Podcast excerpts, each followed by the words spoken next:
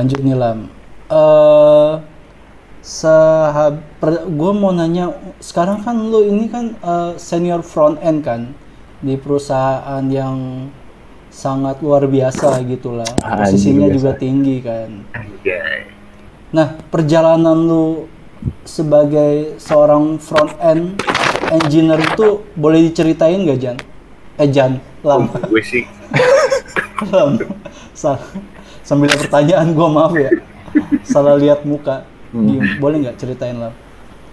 dari ini kali ya dari uh, bu pengalaman gue dari magang dulu aja Oke, magang. magang nah dari magang sebenarnya uh, gue ini sih ada satu teman gue juga yang mag- tempat magangnya bareng gitu Mhm. kita tuh berdua ngerjain uh, sama-sama ngerjain front end di- juga gitu nah itu pakai dulu pakai Angular JS bukan Angular sekarang udah Angular berapa ya? Lima ya? Udah Angular 5 ya terus uh, itu masih pakai Angular JS biasa. Mhm. jadi kita uh, coding coding Angular gitu kan. Habis itu gue kepikiran nih kayaknya kalau gue ngoding front-end juga uh, laporannya bakalan sama banget nih sama temen gue ini. Kayak gitu sih nah habis itu gue coba belajar belajar lagi gitu belajar uh, untuk ke backend sih jadi gue bikin uh, REST API gitu ya untuk dikonsum sama si front end-nya kayak gitu sih nah Mhm. dari situ jadi gue belajar sebenarnya dari uh, gimana dari sisi klien dapetin uh, datanya dari backend kayak gimana terus gimana kalau dari sisi backendnya sendiri gue tahu gimana caranya si backend simpen datanya terus uh, dia ngebalikin ke front endnya kayak gimana kayak gitu Mhm. nah tapi akhirnya eh, abis udah selesai dari gua bikin laporan kan laporan eh, magang gitu ya dulu Iya. Terus selesai bikin laporan magang intern ya udah di situ eh, gua di assign lagi untuk project yang lain gitu ya project yang lain. Nah di situ gua di assign lagi sebagai front end sih. Nah dari situ mungkin eh, karena gue desain lagi sebagai front end gue lebih ini sih lebih eh, banyak pengen tahu sebenarnya front end yang lebih eh, yang lebih dal yang lebih dalam lagi tuh kayak gimana gitu. Dari eh, sisi CSS-nya terus dari eh, les lesnya kayak gitu kan. Itu ada namanya CSS preprocessor gitu ya belajar di situ Hmm. juga. Nah habis itu udah kayak gitu juga pengen tahu nih gimana caranya uh, si front end uh, bikin tampilin video gitu kan video streaming gitu dan bikin uh, si front endnya lebih reaktif tuh kayak gimana gitu. Ada yang namanya WebSocket udah belajar belajar ke sana sih. Jadi dari situ mungkin uh, lebih banyak pengen tahu dari situ dan akhirnya uh, pengen nih belajar uh, teknologi baru gitu. Apa sih?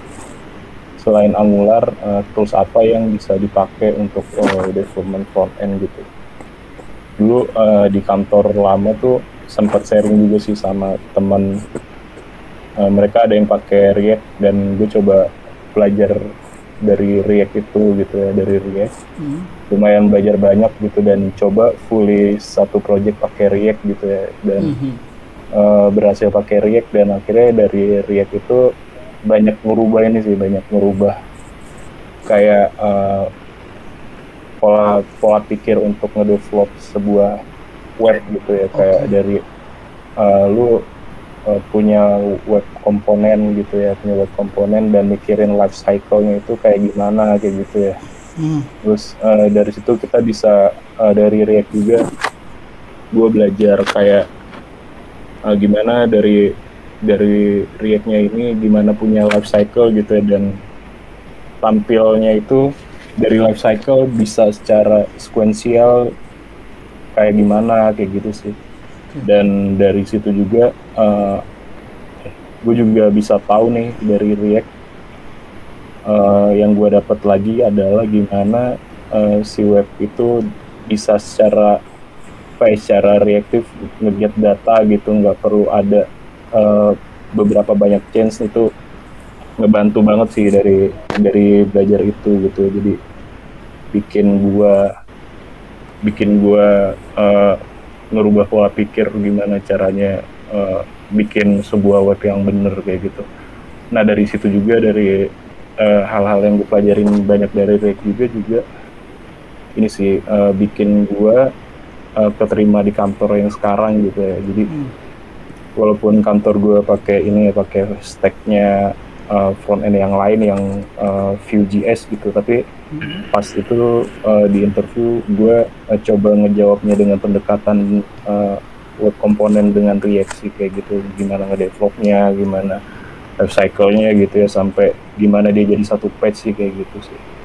Okay. So far dari React gue banyak belajar uh, lebih ke technically uh, in depth-nya dari uh, development webnya sih. Okay. Secara front end. Iya iya iya iya. Ya. Mm-hmm.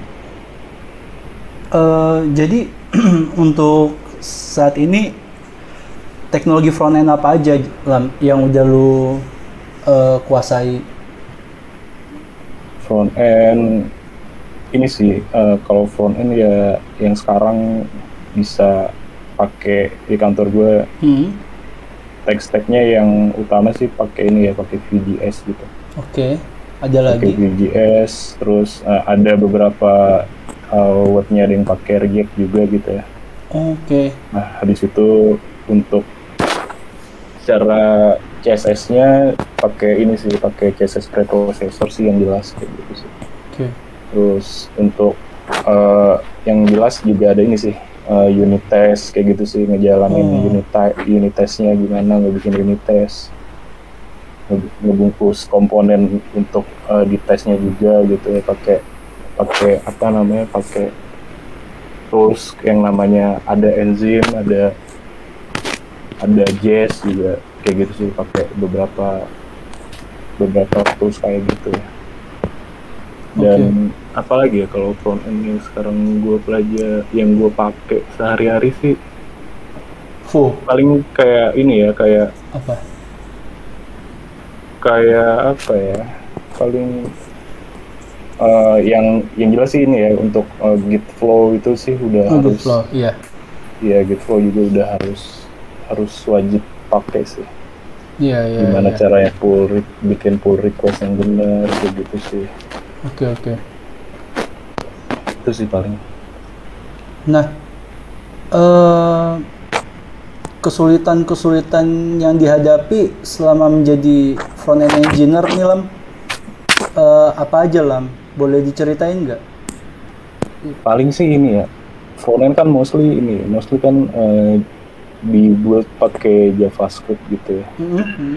Nah, kalau di frontend tuh ada dan mungkin udah ada yang denger sih kayak uh, karena JavaScript ini apa namanya terlalu cepat banget perkembangannya sama uh, komunitasnya begitu banyak gitu ya. Mm-hmm. Nah ini bikin kita sebenarnya dari engineer front end gitu kita harus kayak lebih wise memilih teknologi yang mau digunain gitu kan kalau kayak gitu dan hal yang paling apa yang paling sulit bukan sulit juga sih sebenarnya yang jadi tantangannya itu misalkan kita ada isu gitu di production hmm. nah kita kita coba jadi orang yang paling depan dulu gitu buat uh, cari tahu isu itu sebenarnya uh, dari mana datangnya bisa aja bukan dari sisi front endnya kita bisa uh, kita bisa cari tahu dulu sebenarnya itu itu isunya yang itu isunya datangnya dari uh, backend side-nya ternyata gitu -hmm. dari situ sebenarnya yang bisa gue bilang anak front end tuh sering disalahin sih untuk misalkan ada hal-hal yang kayak gitu sih pasti. Jadi orang paling depan untuk apa ya untuk Checking. Eh, disalahin dicek untuk suruh ngecek kayak gitu. Iya iya. Buat jagain itu makanya harus ini sih unit testnya harus dibenerin kayak gitu. Oke. Okay.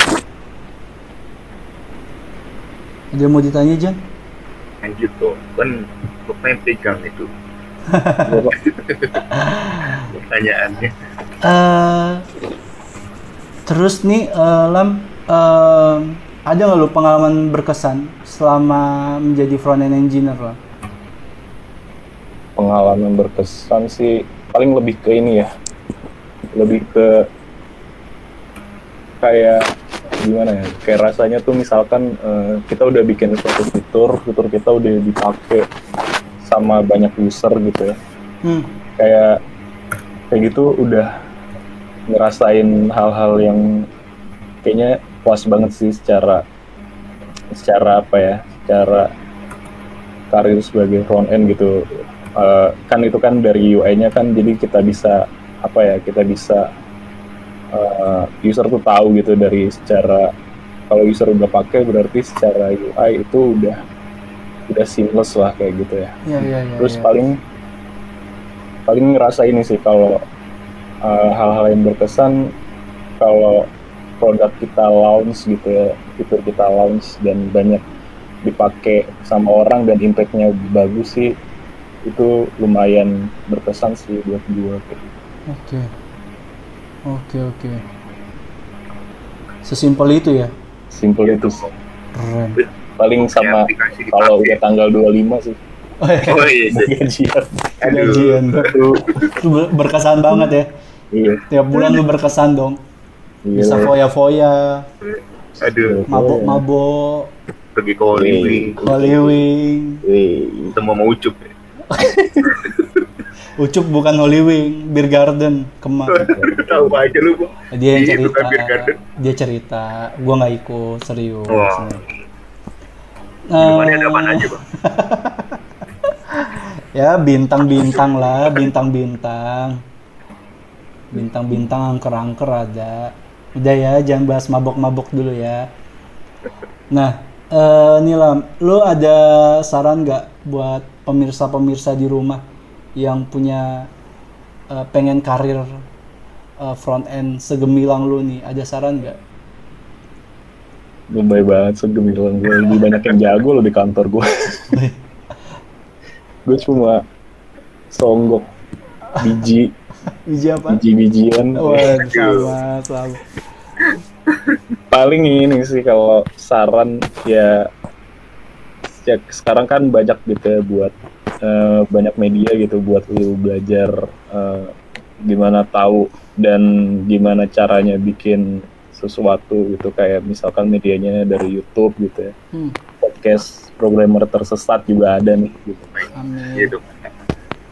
Eh, bisa dipelajarin lewat situ sih buat eh, hal-hal yang pengen lu ketahuin lebih jauh untuk eh, lu belajar sesuatu sih nggak nggak melulu tentang front end aja gitu. Misalkan eh, tentang lu pengen tahu tentang back end tentang big data gitu ya tentang Hmm. data science tentang eh, DevOps gitu ya DevOps Iya, iya, iya. iya. dari situ bisa belajar eh, dari kayak YouTube kayak Udemy gitu ya beli, beli course-nya aja gitu Iya, iya.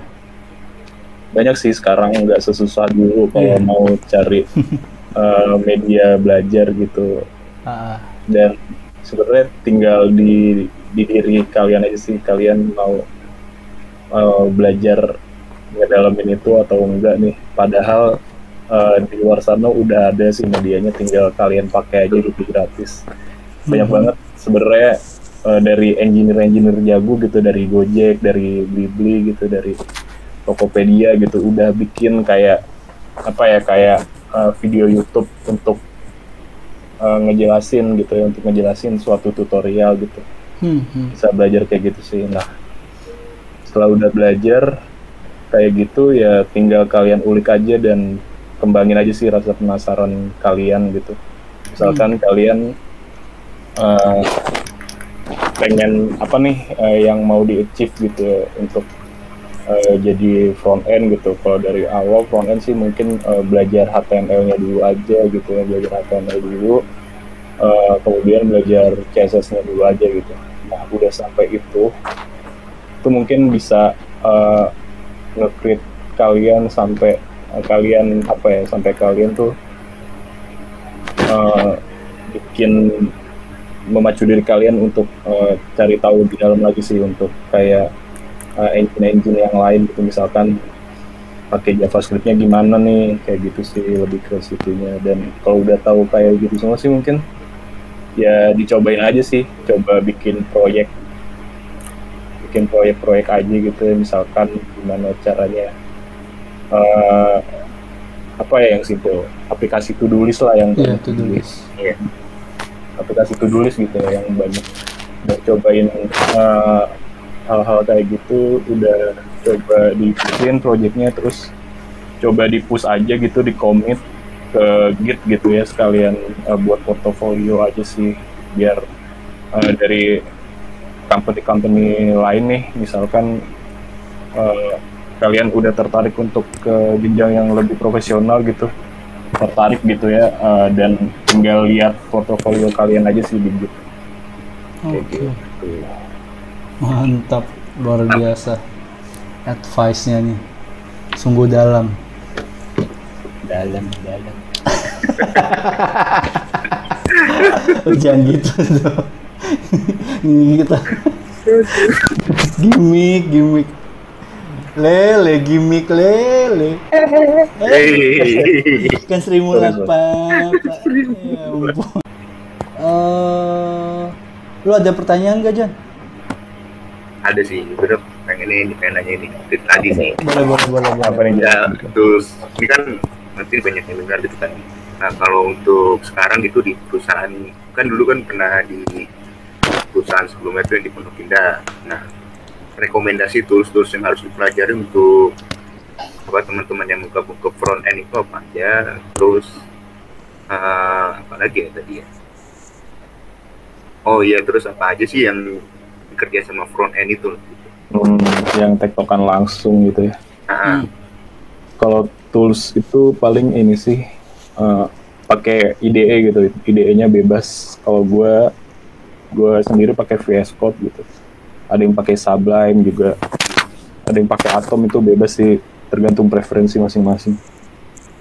Terus eh, buat toolsnya sendiri untuk ke apa namanya push ke repo gitu ya ke ke repo kita biasanya gue pakai ini sih source tree source tree gitu jadi itu ada GUI-nya gitu jadi nggak usah susah-susah Eh, ya susah-susah mikirin script gimana caranya buat push. nge-commit nge- nge-push code kayak gitu sih Iya, iya. terus eh, yang yang paling penting ini sih ngedebug gimana caranya kita ngedebug di web itu pakai Betul. ada Chrome DevTools gitu ya kayak gitu sih terus untuk eh, kita ngetes beberapa API yang udah dibuat sama backend kita harus bisa ngetes juga nih pakai eh, toolsnya tuh ada namanya Postman. Kita harus tahu gimana caranya bikin eh, request gitu ya. Kita gimana caranya eh, request suatu file kayak gitu sih. Nah itu paling sih kalau tools tools nah untuk hal untuk ini sih yang buat eh, orang-orang yang tektokan secara langsung sama tim frontend itu ya paling jelas ini sih backend backend tuh untuk ngedapetin datanya gimana untuk uh, nge-save datanya gimana, format datanya yang di-save kayak gimana itu jelas tektokan banget sih. Hmm. Terus yang kedua sama tim uh, UI UX juga gitu. Kita bisa konsult gimana uh, desainnya gitu dari yang mereka kasih gitu. Terus uh, yang paling penting juga ini sih sama tim produk gitu. Di produk mereka yang kasih requirement kita uh, sering banget tektokan uh, ini bisa di deliver apa enggak gitu ya. Iya. possible nggak di deliver nah mungkin mereka tanyain dari sisi engineering wise nya gimana gitu.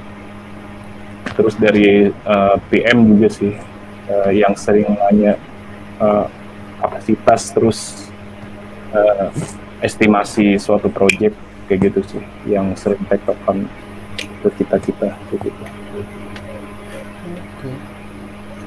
sama ini QA gue lupa QA. yang ngejagain ini sih yang ngejagain quality of produk kita gitu yang Hmm. kita bikin fiturnya itu sebagai engineer nih sih pasti mau nggak mau code kita bakalan dites sih either dari kita sendiri ngetes dari unit test atau dari QA-nya langsung gitu sih.